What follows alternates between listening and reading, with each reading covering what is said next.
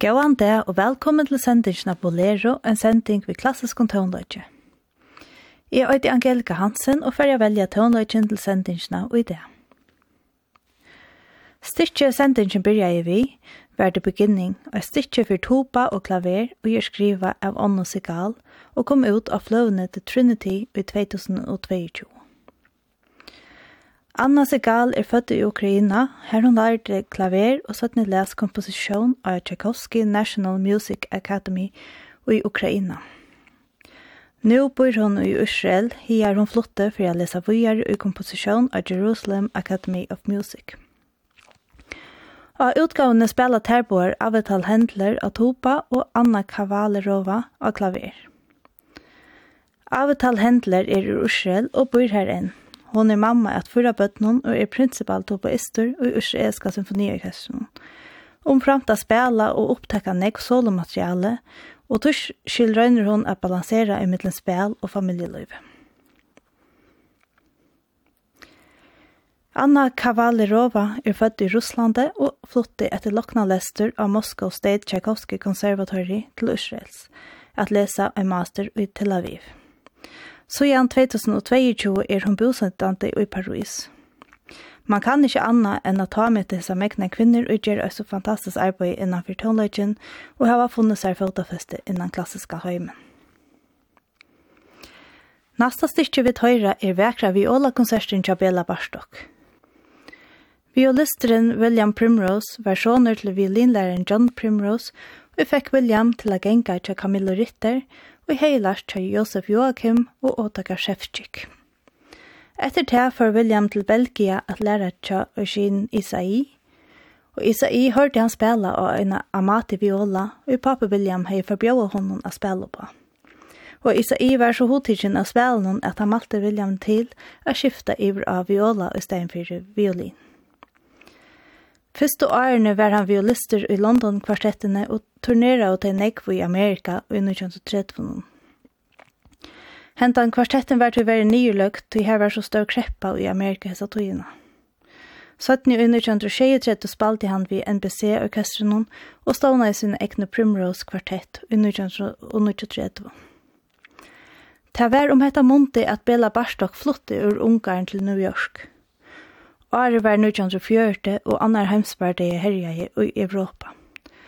Stort etter at Barstok var kommet til New York, gjørtes han olvarslige sjukur av blåkrabba. Og nekve av gau og verskun hansara for skriva hetta tøyerskøy, hauas ring og hølsa hansara, og kroppar hansara i vid tøyene.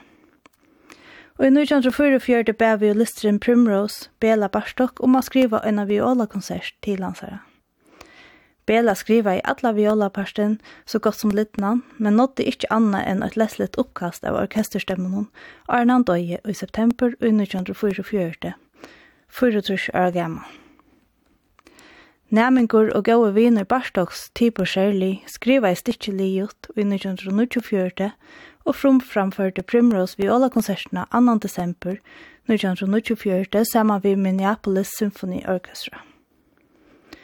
Vi alla konserten er i trimon satsen. Fyrste og tredje satsen innehelter fraser ur skotska folkasangenon midza body, Coming Through the Rye, kanska fyrir høyre heimlandi tja Primrose. Vi får nu a høyre israelska violaspelaren Amihai Grosh spela barstok viola-konserterna saman vi Orkestra National de Lille under løsle av Alexander Bloch. Hette er en utgava fra september i år.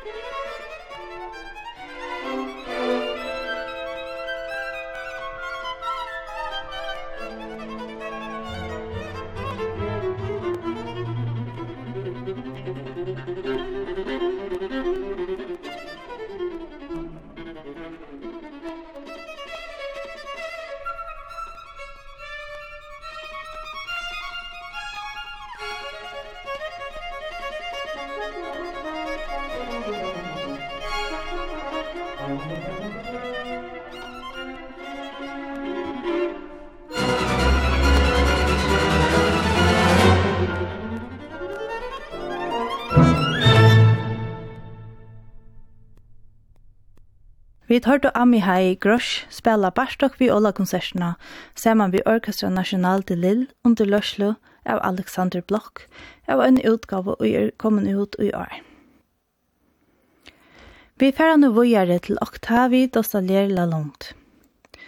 Og juli måned i år gav hun ut en fløvo i kallast, fra Mannheim til Berlin, sonatas for violoncello piccolo. Octavi de Salier Lalonde er ur Montreal og spiller cello. Ta særlig vi henne er at hun forskar og brukar jordføre og spilleteknikk som høska til togina tånløykeren hun spiller er fra. Av hese utgavene er tånløyker ur skjøttene helt av barokktogene, her støyleren er nevnt ur galant tånløykastøyleren. Og i mån til første helt av barokktogene her skreit og pint, vi ornamentum fyllte tónleikin og kontrapunkturin til tøyer kunde vera sindu fløtjutur, kom et annutja raki her til røyna og ømfalda var sett i hasatte, og dente var lagtur av melodien. Hetta raki er òsne kalla rokokko og kommer fra franska ornum rokai. Om hetta munte spalte tei av et joføre kalla piccolo cello, og i var stemma GDAE. Octave sier at hon i 2018 fikk en alban barokkcello, og er et sinte minne enn en standardcello. Hon rønte jeg stemma henne som piccolocello inne, og oppdager jeg en nødjan tøvnahøy. Tøvnene er klinka og klarer og lidrykker vi øyne synkjande overste strøntje, og hon setter seg fire at jeg går opp en høyla fløve vi hos en og hetta ble utgavan fra Mannheim til Berlin. Og utgavene er jo seks sonater etter Schaffrat, Benta, Fils, Kjærst, Sika og Johan Kristoff Friedrich Bach. Vi tøyra nå sonatene i D-dur etter Frans Benta og i Trimon Satsson, vi Octavi Dostalier Lalon spiller sammen vi Arsten Belogorov og Stein Forste Piano og Victor Garcia Garcia av Sedlund.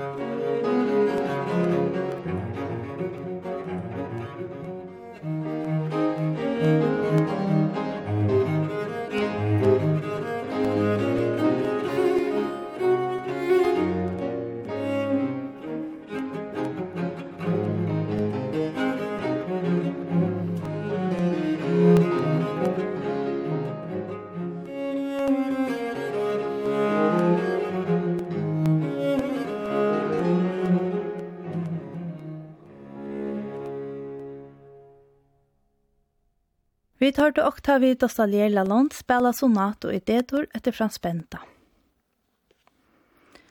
Det er nok så vanligt at en spelar stykker og gjør skriva for et annet ljøvføre enn det opprunalige er skriva for. Nøkker stykker er bedre egna til det enn ånder, og et av hesen stykken er det her seks sonatene og partitene skriva jeg for Sjålovilin etter Johan Sebastian Bach. Her er bæg spaltar og ånder stråkjåføre, orkel, gittar og ånder jåføre. Og som vi vilja være vi, at Bach har hukse om orkulet og han skriva i det. Vi får nå at høre tve dømer om hvordan det er spaltar og klaver. Hitt fyrre er av utgavene From Afar til vikingi Olavsinne, og her har han omskrivet adagio-satsen ur trio solo-sonato i setor og spiller til av klaver. Han er ikke brøtt så nek med munn til opprunna utgavene, utan at det gjør ørvise til at det er spalt av klavier. Musikk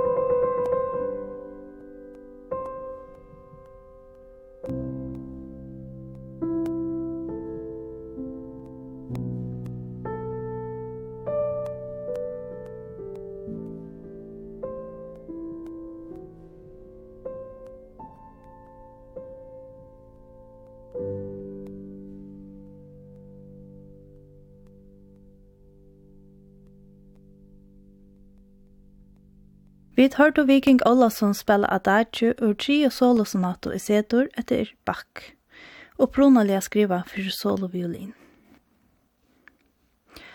Og et annet døme oppa tulking av Bach som opprunaliga skriva for violin er ta Gabriela Montero av klaveren og finner på at improvisera rundan om preludium ur violin solopartito og etor.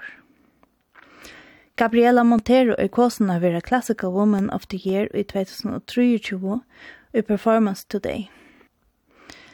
Gabriela kommer ur Venezuela og er kjent for sitt klaverspill og evne til å improvisere og øsne for henne komposisjonsevne. Hentan opptøkken er å finne av utgave henne fra 2006, Baroque Improvisations, her hun improviserer over alt kjent klassisk stikker, etter myndlun Anna Vivaldi, Pachelbel, Händel og Scarlatti. Vi tar her Gabriele Montero spela improvisasjon over preludium ur violin solopartito og i etor. Musikk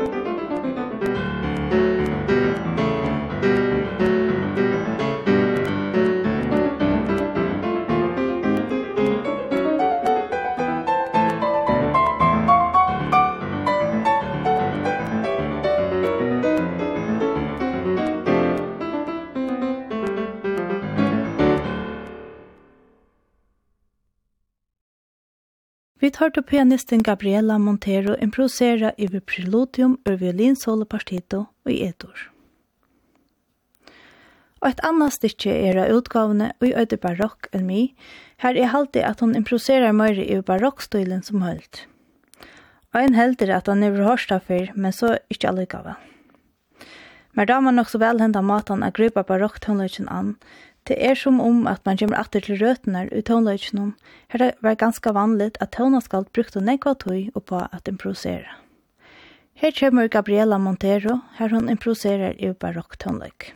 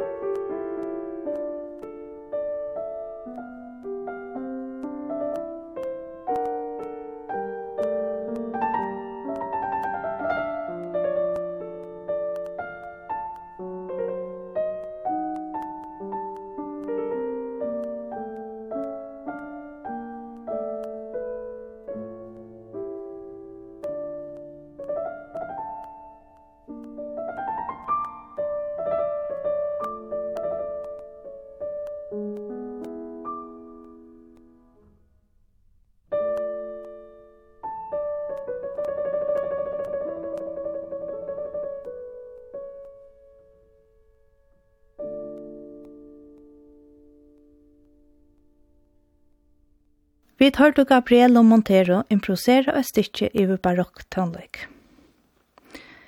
Nå til nekka først.